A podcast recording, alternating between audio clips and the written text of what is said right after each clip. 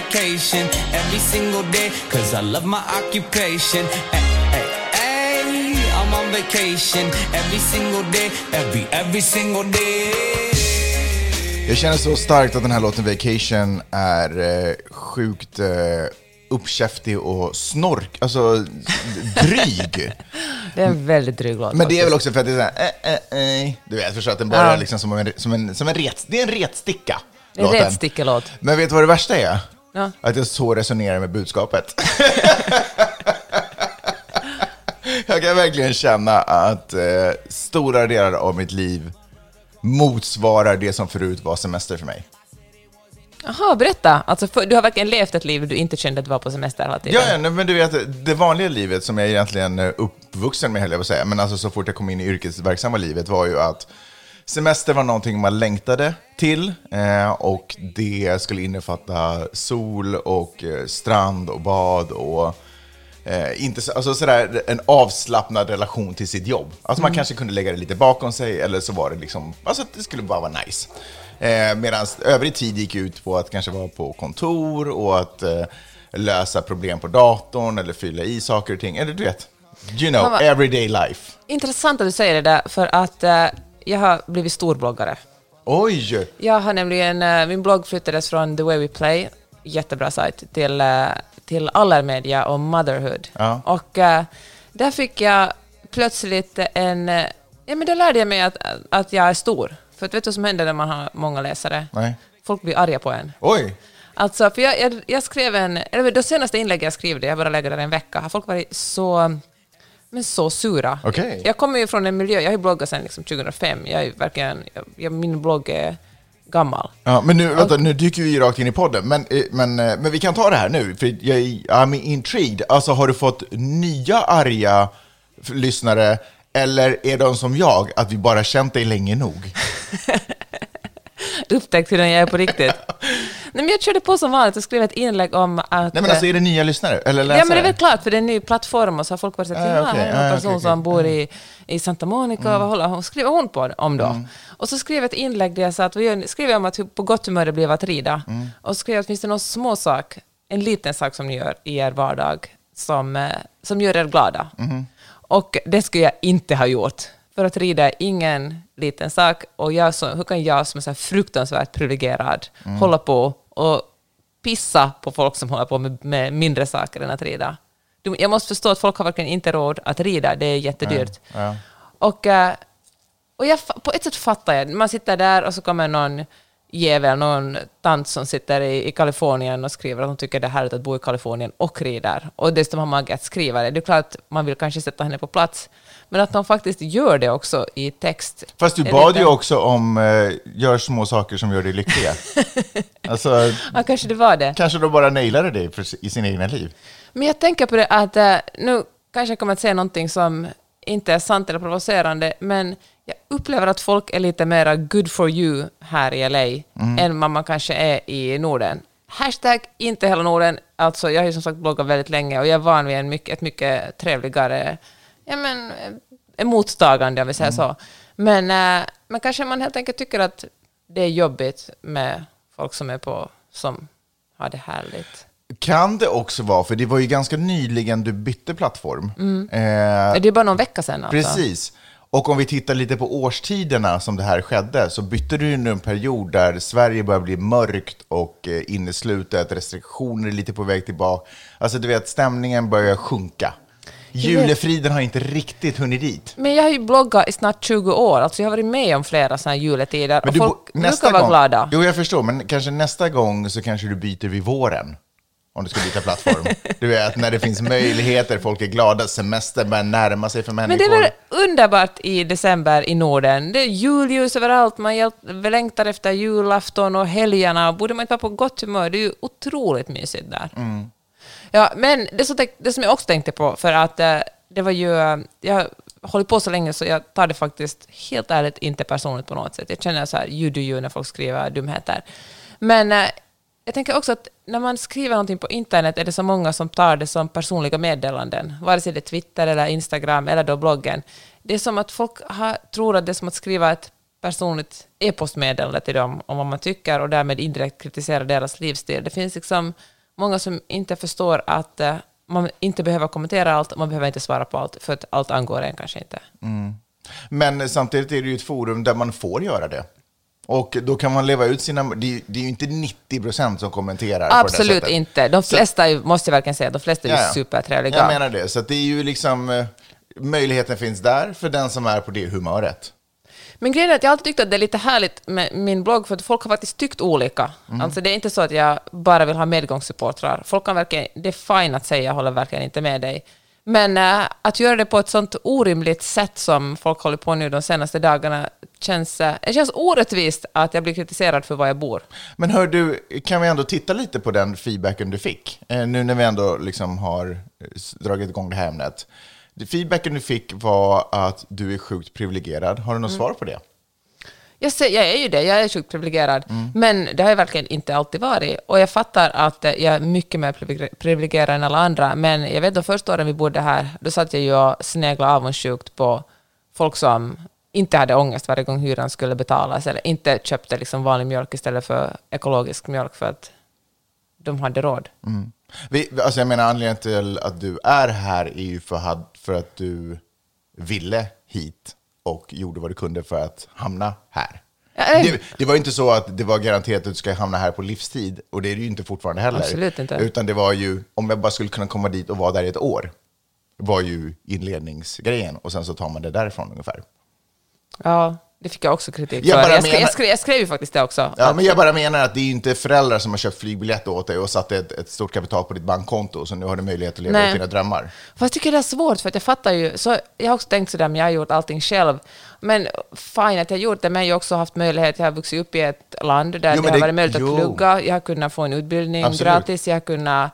Jag har, haft en, jag har haft föräldrar som har läst för mig hemma, även om vi inte vi växte inte upp ett hem med en massa, vilken försvarstal. Men jag menar bara, men bara att jag är vit och liksom har ju gett mig jättemånga Det är fördelar. ju klart att du är privilegierad i förhållande till väst, alltså västvärlden versus inte västvärlden, men det är ju den som har skrivit meddelandet också. Privilegierad på, privilegierad på den nivån är det ju troligtvis ganska säkert. Eh, men däremot är du inte privilegierad inom din, din sfär, Inom min demografi. inom din demografi. Oavsett så är det inte ett rikemansbarn som är här och köper hästar för 200 000 som du kan rida på fina stall. Det är inte så det är. Nej. Skitsamma. Jag snyltar på andra människors. Precis. Eh, sen en lite, är det en liten sak att rida? Det var det andra. Nej, det får jag, men det verkar inte en liten sak. Det borde jag aldrig ha skrivit. Nej, fast kan vi också ändå titta på vad du... Nu tar du i och för sig lektioner, men det, är inte, det har du inte gjort från start. Det har, du har vi ju liksom sparat ihop att du ska kunna Ja. göra, ska man kunna säga. De första ridmöjligheterna kommer ju egentligen gratis för att du lärde känna någon som hade hästar. Ja. Så det är ju inte en...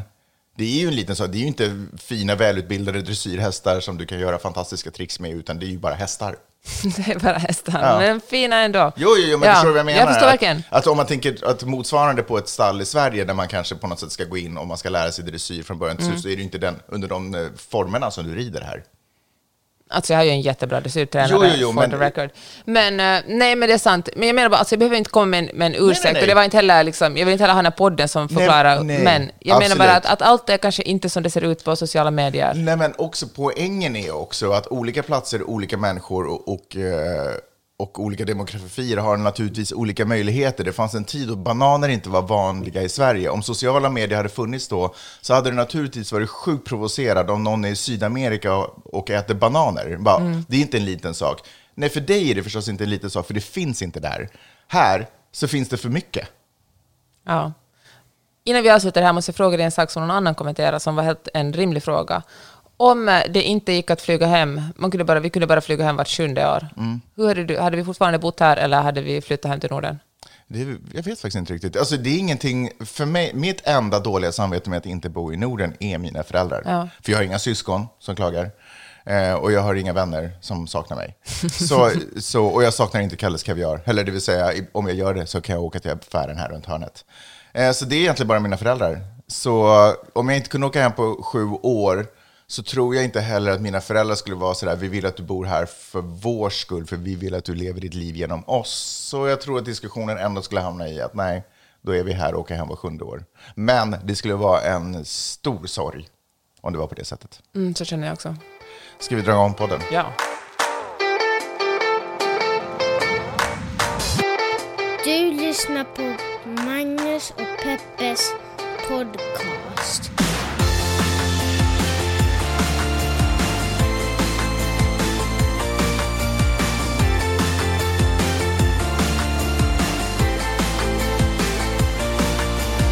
Hallå internet! Hur har ni det där ute? Jag hoppas att ni har det fantastiskt bra. Julstämningen känner jag ändå har kommit. Jag skulle bara först vilja säga... Oj, jag höll på att sluddra där.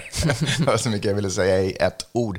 Jag skulle först bara vilja önska er hjärtligt välkomna till podcasten som heter Magnus och Peppes podcast. Det är den ni lyssnar på just nu. Jag heter Magnus Silvenius Öhman och Peppe heter... Peppe Öhman. Ja, Jeanette Öhman heter du egentligen. Ja, mitt, ja, men kanske... Tänk om jag skulle byta namn till Peppe. Det här är en podcast där vi pratar om stora och små händelser i världen och så gör vi det ett journalistiskt, feministiskt och huvudsakligen Peppes perspektiv. kanske det.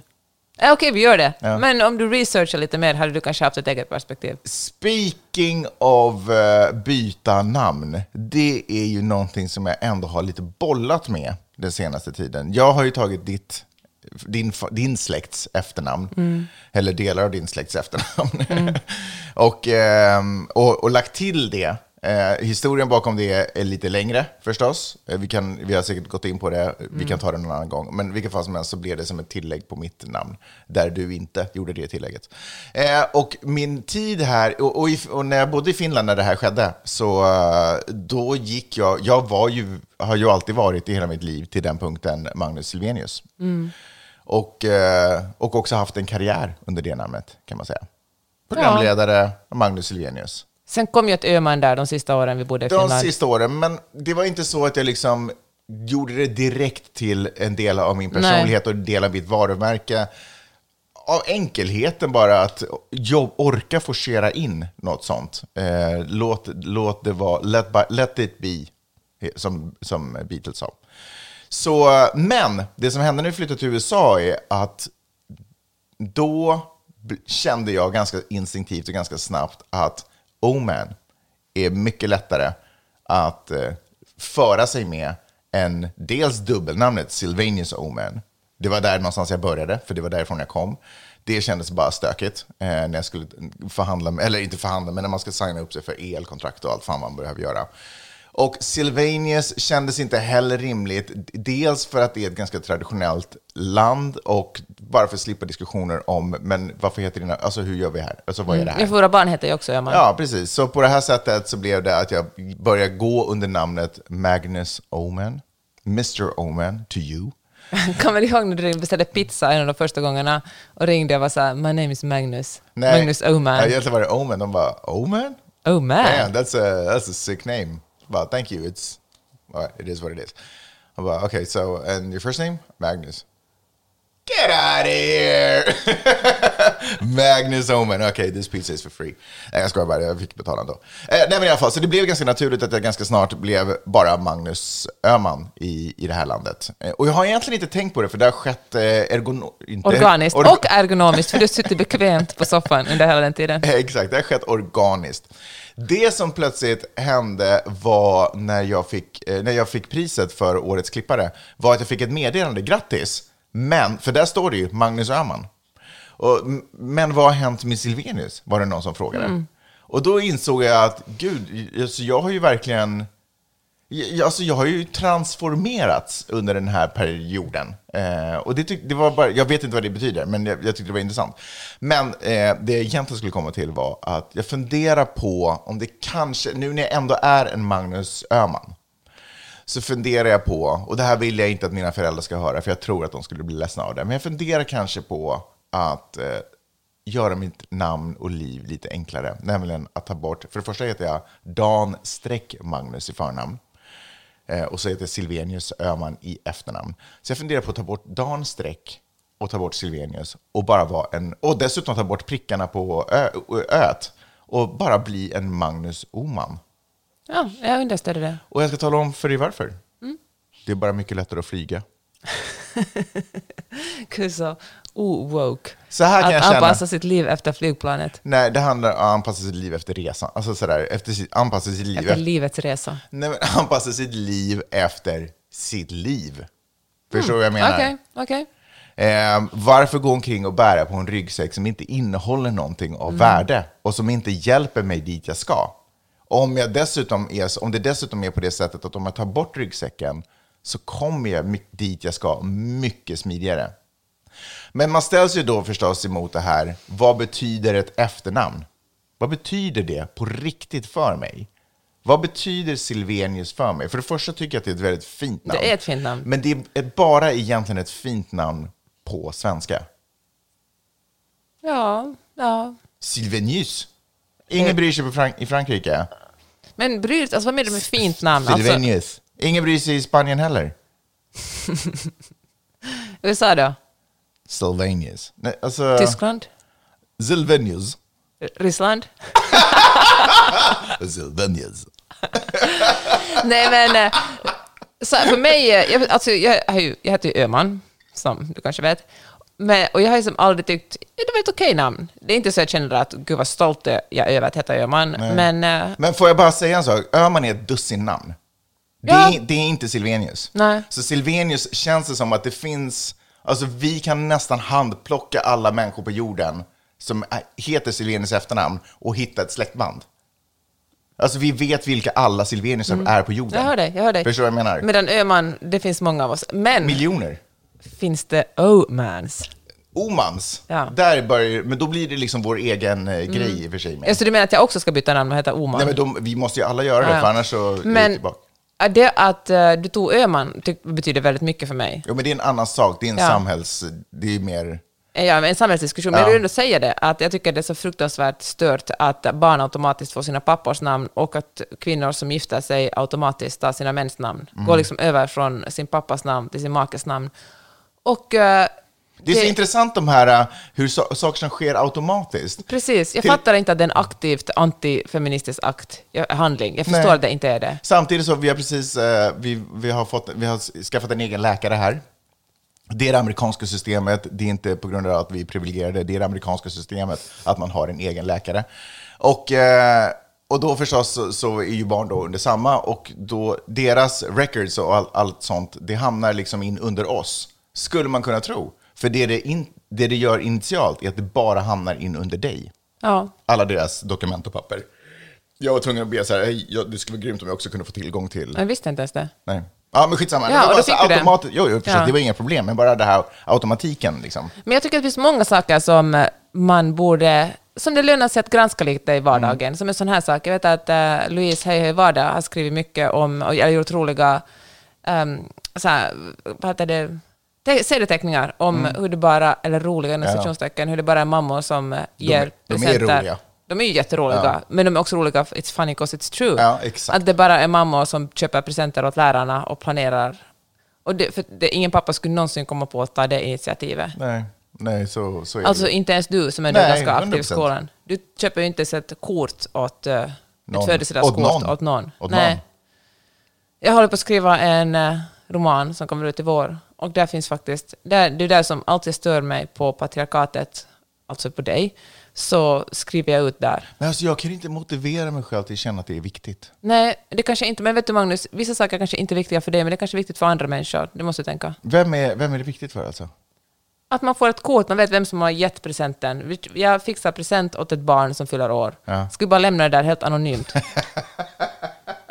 Så här, bjud inte in så många barn så att det blir förvirrat vad presenter Så Eller, Magnus inte ska behöva köpa ett kort eller skriva ett kort. ni vet det där enda paketet som inte hade ett kort? Uteslutningsmetoden. Det kommer från en pappa. Nej, men det, det är lite av en asshole move, för det är sådana saker som du inte gör, och när jag säger du menar jag massa andra pappor också, faller automatiskt på kvinnan i familjen. Och uh, fan att du inte bryr dig, men då måste någon annan sopa upp efter dig. Ja, det var det. Okej, ska vi gå vidare? Mm. I veckan åkte jag Uber hem och pratade med chauffören som var från Armenien. Nästan alla som kör Uber här är från Armenien. Och eh, det är jättespännande att prata med chaufförerna tycker jag. Och han sa, vi talade om mycket annat, men han sa att han tycker att det har blivit våldsammare och farligare ute i samhället. Att LA är en farlig, en farlig stad. Och så sa någon annan att eh, att någon annan jag pratade med berättade om ett rån som hade skett i Beverly Hills, som jag kollade upp, det stämde faktiskt. Det var någon så här rånare hade gått in på en restaurang mitt på blanka dagen och med vapen hotat folk och tagit deras klockor och eh, plånböcker. Flera sådana historier nu. Ja, och eh, det blir man ju stressad av. Om man dessutom har den här, eh, vad heter den, den här eh, Neighborhood-appen, inte Citizen, men... Ja, jag vet, det där som verkligen kommer med alerts. Ja, men den där, nej, nej, det finns i alla fall en sån neighborhood-app som Ja. är verkligen otroligt rasistiskt att börja med. De bara, folk skriver in när de har sett någon som inte är vit som har gått på gatan. Och, men jag tänker att allt sånt här hetsar till en större oro i samhället. Också Facebook i och för sig när folk berättar sina historier. För när man läser någonting så tar det helt Måste, det finns säkert här psykologisk förklaring till det, för man hör någonting som skrämmer en så tar det oproportionellt mycket plats i ens hjärna. Det är svårt att förstå att det här är liksom en statistiskt en väldigt liten risk att just du ska hamna ut för det här, råka ut för det här. Och eh, det att eh, vi läser allt mer nyheter, att nyheter är allt mer tillgängliga och att vi tittar på allt mer tv-shower som handlar om, om, eh, om våld och brott gör att vi blir räddare. Det finns en... en, en, Jag tror att du tog upp det förra veckan, att om man true, true crime, kvinnor tittar på true crime och lyssnar på Ja. true crime och blir väldigt påverkade av det. Och då vill jag bara säga att eh, även om det känns så här nu och när man läser sånt här så finns det verkligen inget bevis för det. Den här veckan läste Bevis jag... för vad då? För att eh, det ska vara farligare att leva nu. För i längden, för, kom vidare här, för i längden innebär det här att man är rädd att det värsta som kan hända ens barn är ju att de ska, det ska hända någonting. Alltså man är ju rädd för att det ska hända någonting åt ens barn. Mm. Så folk håller hemma sina barn och det här är ingen ny grej utan för varje årtionde som går så har barnen fått röra sig i en mindre utsträckning från hemmet. Alltså nu har jag inte statistik på Sverige och Finland men det här gäller i anglosaxiska länder där man verkligen har undersökt det här. Så när barn på 70-talet kunde få gå liksom tre kilometer från hemmet och bara strosa omkring i skog och mark och gator, så, så får de nu knappt gå ut alls. Mm. Alltså barnen skjutsas överallt, och, eh, och gör, och, eller är de ute så måste... Undrar om det är så i Sverige och Norden också?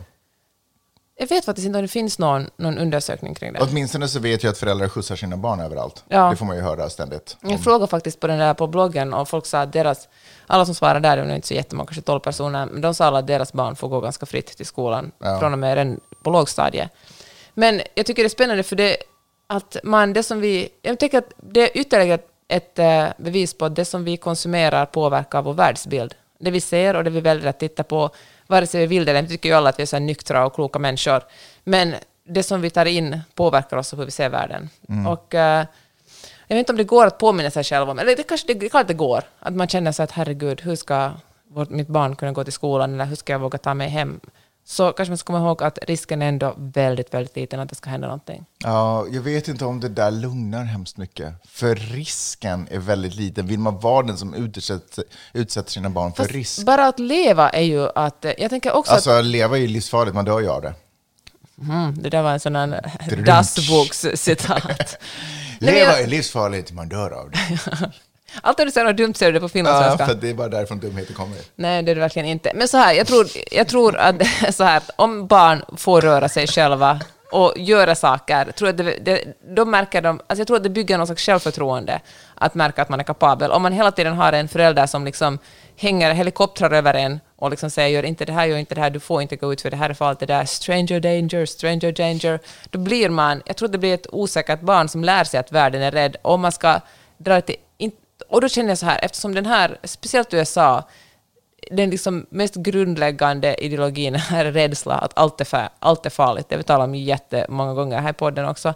Då, gör det, då leder det till att folk skaffar vapen eller bygger jättestora murar kring sina hus och liksom anmäler folk av annan hudfärg som är ute och joggar för de tror att, att om man är svart är man automatiskt en brottsling. Så om man skulle follow the money, som de säger, så borde man ju kunna se vem det är som tjänar på det här ekonomiskt. Och det borde ju dels vara faktiskt nyhetsbolag, eh, tv-bolagen här, Mm. som kan sälja mer eh, löpsedlar, eller vad man nu ska säga. Fast det är ju press då.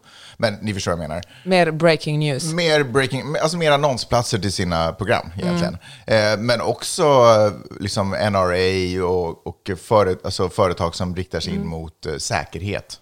Men vet du vad, det här är kanske inte så roligt att höra, men också populärkultur. Alltså vi blir, den här undersökningen som jag refererar till, jag skriver om det här förresten på vad vi vet, så ni får gå in och Får läsa jag bara fråga, när alla är den där undersökningen ifrån?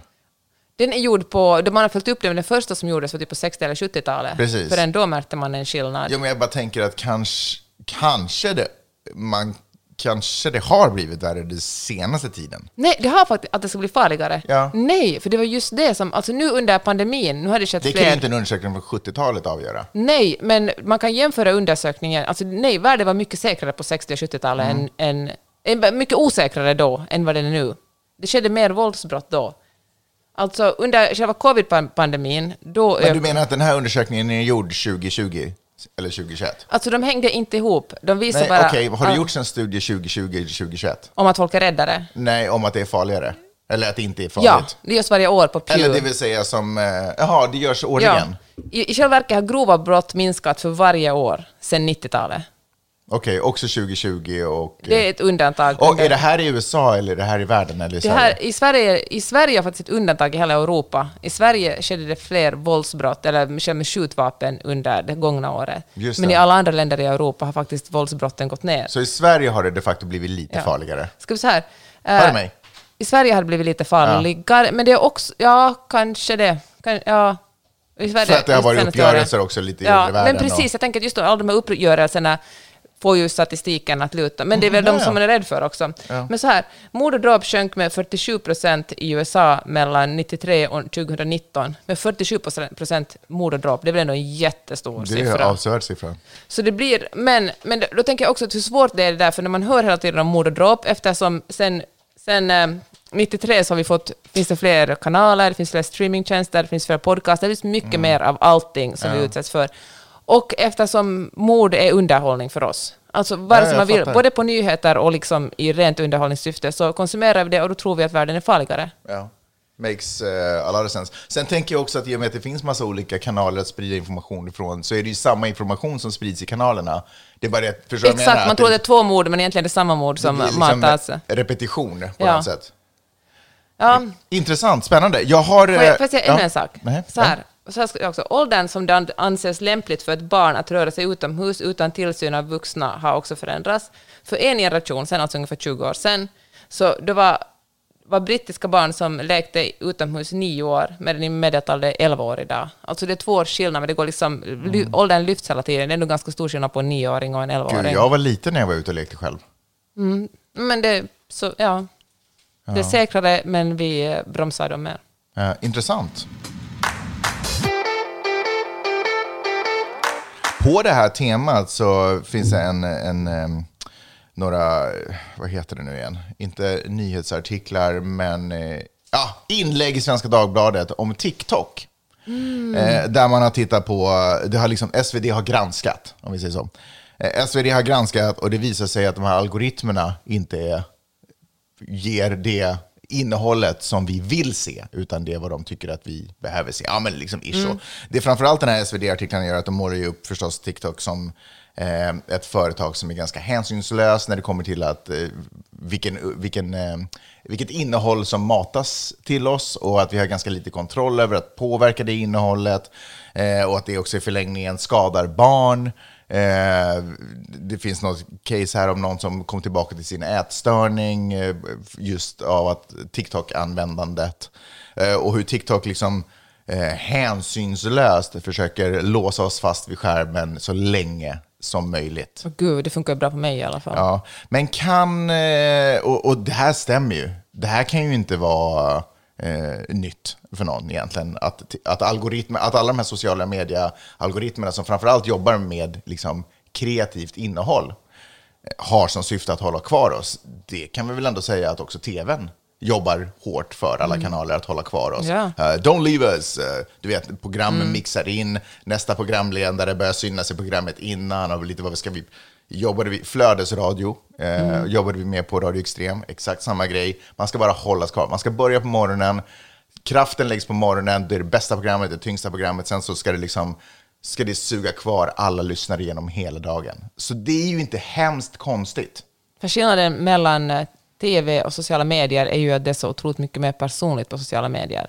Inte bara för att Så det... där har de ju lyckats, för det var ju någonting vi jagade. Ja. Att det skulle bli mer Alltså jag kommer ihåg när du jobbade som programledare på morgonradio, då skulle ni vara kompisarna. Ja, jag, jag kände att vi startade ju upp någonting som inte var så positivt. Alltså, vi var väl några av de första som började just prata om att ni är våra polare. Mhm. Och, och, och det, kan vi, det var inte, i, det var liksom inte, eh, inte genuint, eller vad är, vad är motsatsen till genuint? Disin, disingenuous. Cyniskt kanske. Ja, det var liksom inte för att vara er, cyniskt, utan för att så, den relationen ville vi ha, den känslan. Men det är klart att sådär, det är klart att vi inte du jobbar är på public kompisar. service. Nej, precis. Ingen av mina lyssnare fick komma hem till mig och äta middag. Vet du vad jag tänkte på det där? Jag läste att, eh, jag läste någon, eh, fan att, eh, eh, Bianca Ingrosso, hon skrev någonting att äntligen kan vi kramas igen. Kom till den här underklädesaffären. Där sitter jag och eh, träffar mina vänner, alltså följare. Ja. Och det är ju verkligen, alltså det är ju det som influencers gör, alltså de låtsas vara vänner med folk för att folk ska köpa grejer och influencerna ska få pengar. Men det är också inte så här, det är inte, jo det är ju låtsas, men alla låtsas. Alltså alla som försöker sälja någonting vill ju ha en personlig relation med någon de säljer. Och det kan till och med också vara typ genuint. Vi vill inte vara det här platta, kalla företaget. Vi vill ha en personlig relation till dig. Men det är klart att det blir ju cyniskt, därför att i slutändan kommer det ju ner till, säljer jag på dig eller säljer jag inte på dig? Om du inte är här för att köpa någonting och du är bara här för att hänga med mig, get the fuck out. Exakt det. Så så är det ju Men förstås. skillnaden mellan att vara programledare i tv eller radio och att vara en influencer är ju det att en influencer följer man ju, alltså en influencer bjuder ju på sitt liv för att kunna sälja grejer. Och sen kan det vara bra grejer. Jag tänker så här, Maria Soxbos gör jättemycket så här klimatsamarbeten och sprider information om hur man kan leva ett mer hållbart, hållbart liv. Det gör Isabella McAllister också. Det finns ju såklart jättemånga olika typers influencers också. Och, eh, så det betyder inte alls att det per definition, influencer är inget dåligt ord per definition. Men jag tycker att det som är problematiskt är när man normaliserar det här, att men det är väl självklart att man vill, känna, man vill sälja grejer med kompiskap. Det är kanske inte så självklart. Och det är ju också en orsak till att eh, folk drabbas av ätstörningar eftersom, inte, nej, okej nu drog jag det lite för snabbt, men att TikTok har ett problem, eller TikTok eh, um, att folk får ätstörningar både av Instagram och TikTok eftersom de ser personerna där som sina vänner. Och en vän vill ju en ingenting illa och man lyssnar ju såklart på en kompis. Ja. Så det har ju liksom långt mycket mer negativa konsekvenser än bara ett hål i plånboken eftersom man köper grejer. Utan det handlar om att, att man kanske också kan bli skadad av det. Ja.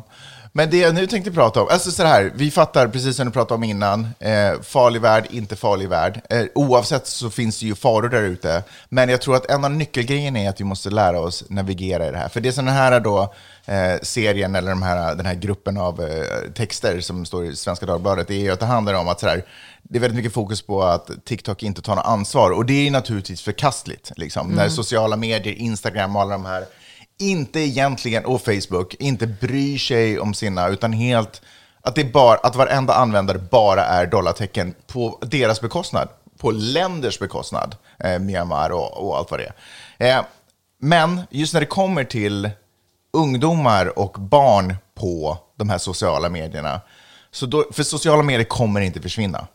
Jag har bara otroligt svårt att se det. Det är en del av vår värld. Och då tycker jag att vi ändå som föräldrar har ett enormt ansvar. Att, sådär, att banna våra barn ifrån de här sociala medierna tror jag inte i förlängningen kommer hjälpa dem.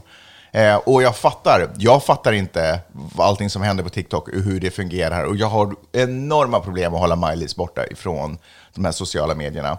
Men the pressure är på mig att liksom förstå vad det är som händer och guida Miley's eh, genom det här successivt. Inte låta henne kanske exponeras till.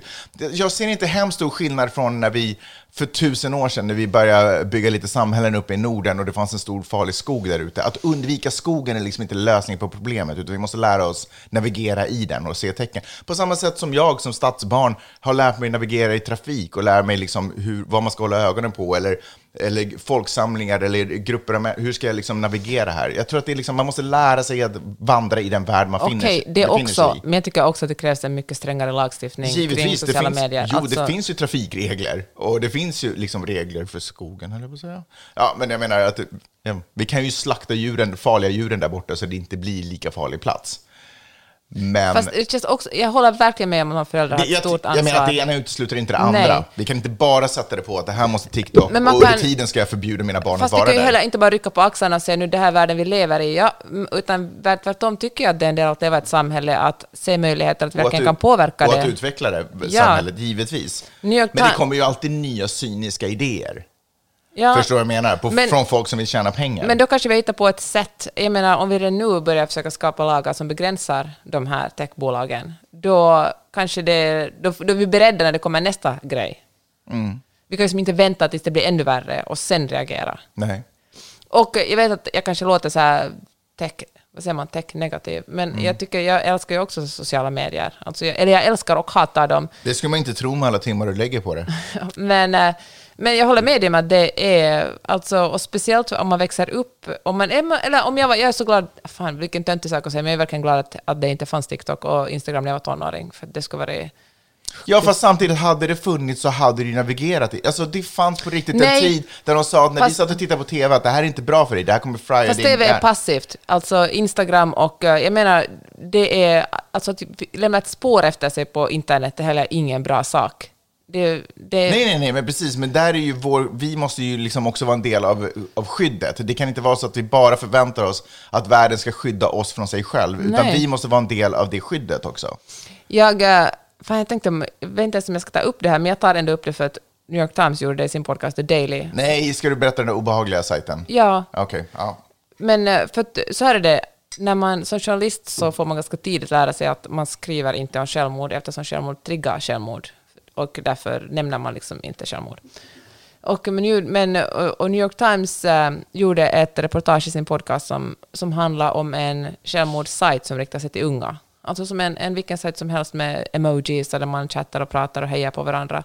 Förutom att barnen här uppmuntrar varandra till att eh, liksom, ta livet av sig. Och eh, den, eh, behöver inte säga mer om den, men det var så fruktansvärt cyniskt. De, och eh, under, under flera månader så sysslade de här New York Times-reportrarna med att försöka veta vem, ta reda på vem det är som låg bakom den här, men den, den här webbsajten. Hittade de två män, en satt väl i Alabama, en andra i Georgia. En var 28, andra var 29. De har tidigare haft någon slags incel-sajtprojekt på gång.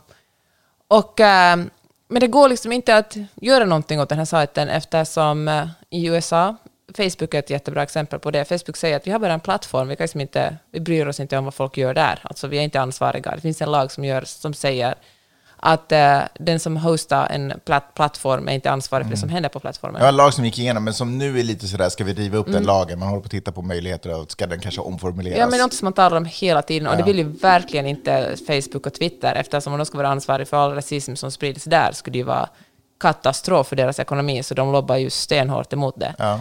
Men eh, en annan sak som sker på det hållet är ju det att, att du nämnde Myanmar tidigare, och eh, man har kommit fram till att Facebook är delvis ansvarig för folkmordet som skedde där. Ja. Så nu stämmer Myanmar Facebook på med 1,5 miljarder dollar på grund av det som skedde där. Det, Är en del av den rättsprocessen också att titta på hur Facebook är, alltså den här lagen just, eh, är man ansvarig för? Precis, för det är det som Facebook ha- har sagt ifrån sig, för, alltså helt lagligt också, och sagt att vi, har liksom, vi ansvarar inte för det ni gör.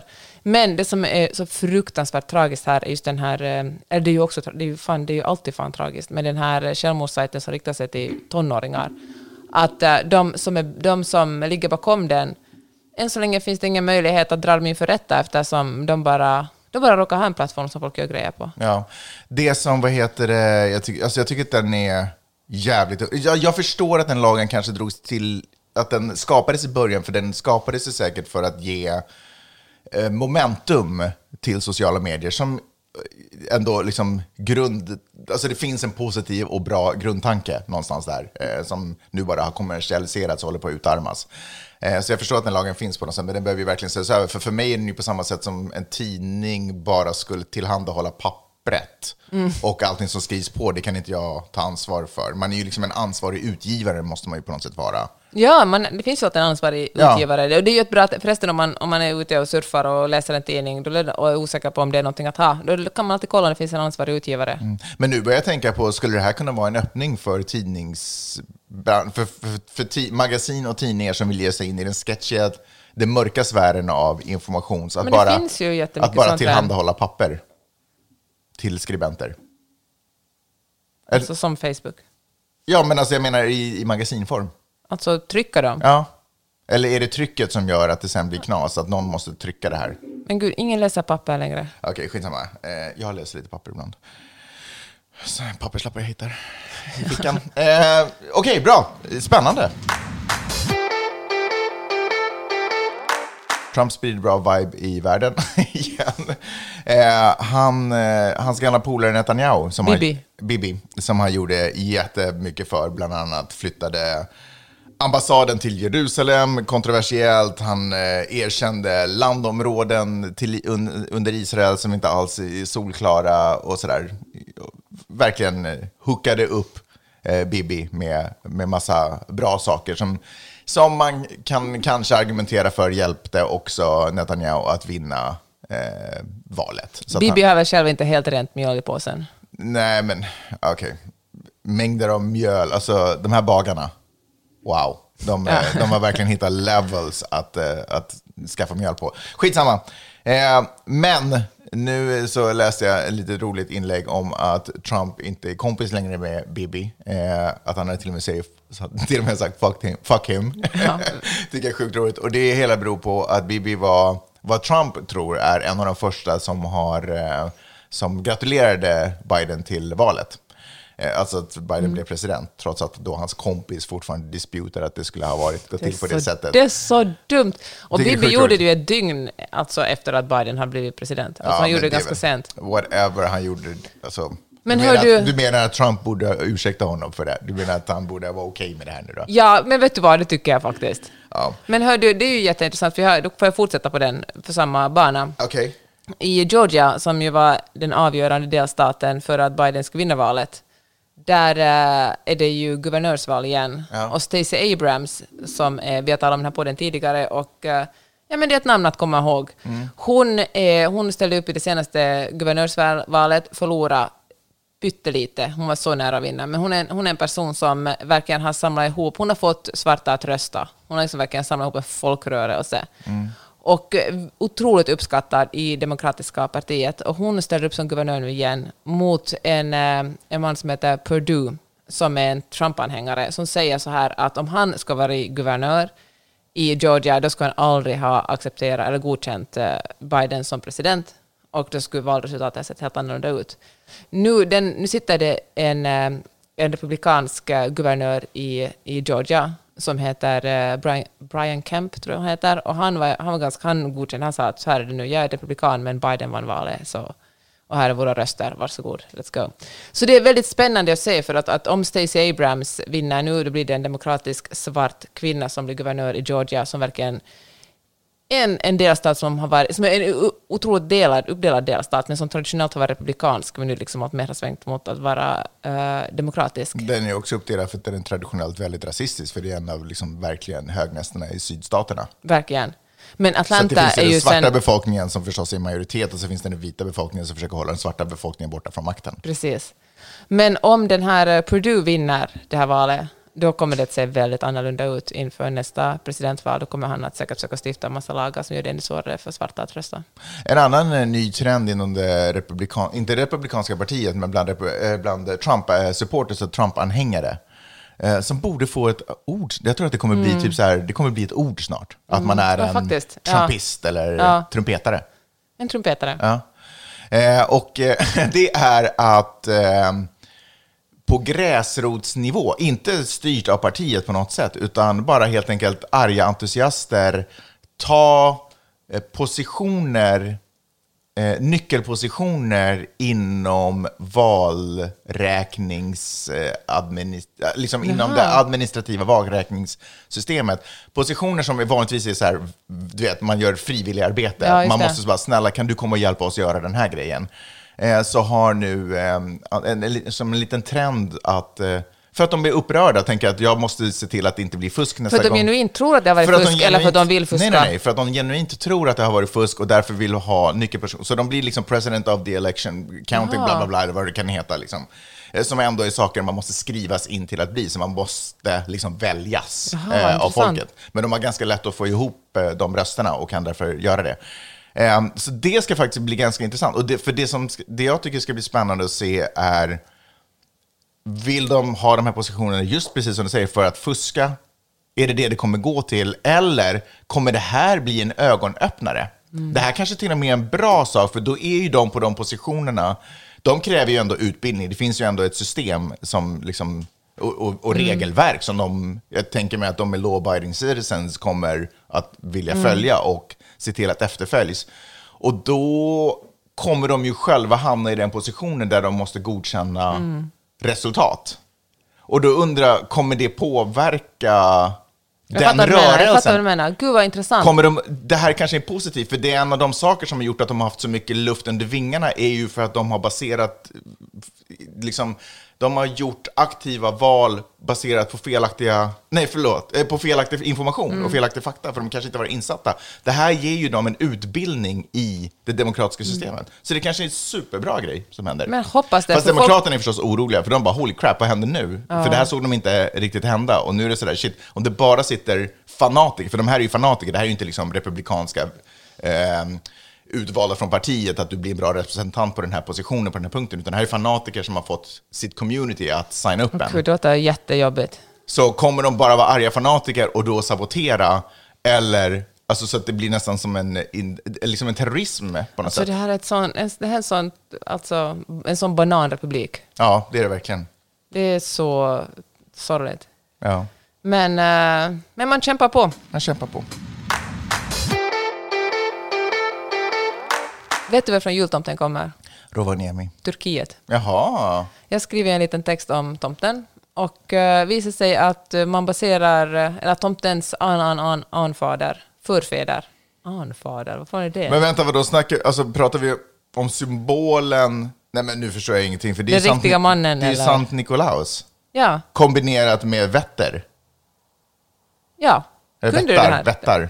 Ja men typ, alltså Sant Nikolaus föddes i Turkiet. Och, Va? Ja. Jaha, jag vet, varför fick jag för mig att han var typ från Düsseldorf eller någonting? Nej, men man firar honom också i Düsseldorf. Ja, ja men det Men- också. Han kom, han var liksom, växte upp i en Mm. rik familj men gav bort hela sitt arv åt uh, fattiga människor. liksom. Ja, och uh, eftersom folk uh, tyckte fattiga människor var stolta och ville inte ta emot allmosor så gick han och slängde in grejer genom fönstret och skorstenen, sägs det. Mhm. Och enligt myten så var han så god redan som spädbarn så han valde att inte amma sin mamma på onsdagar och Ja, för fredagar. att de ska få behålla sin mjölk. Hon bara, thanks, aj! Sen, Hur man eh, vet att den här historien är skriven av en snubbe. Verkligen. Okej, du har tydligen stenkoll på den här historien.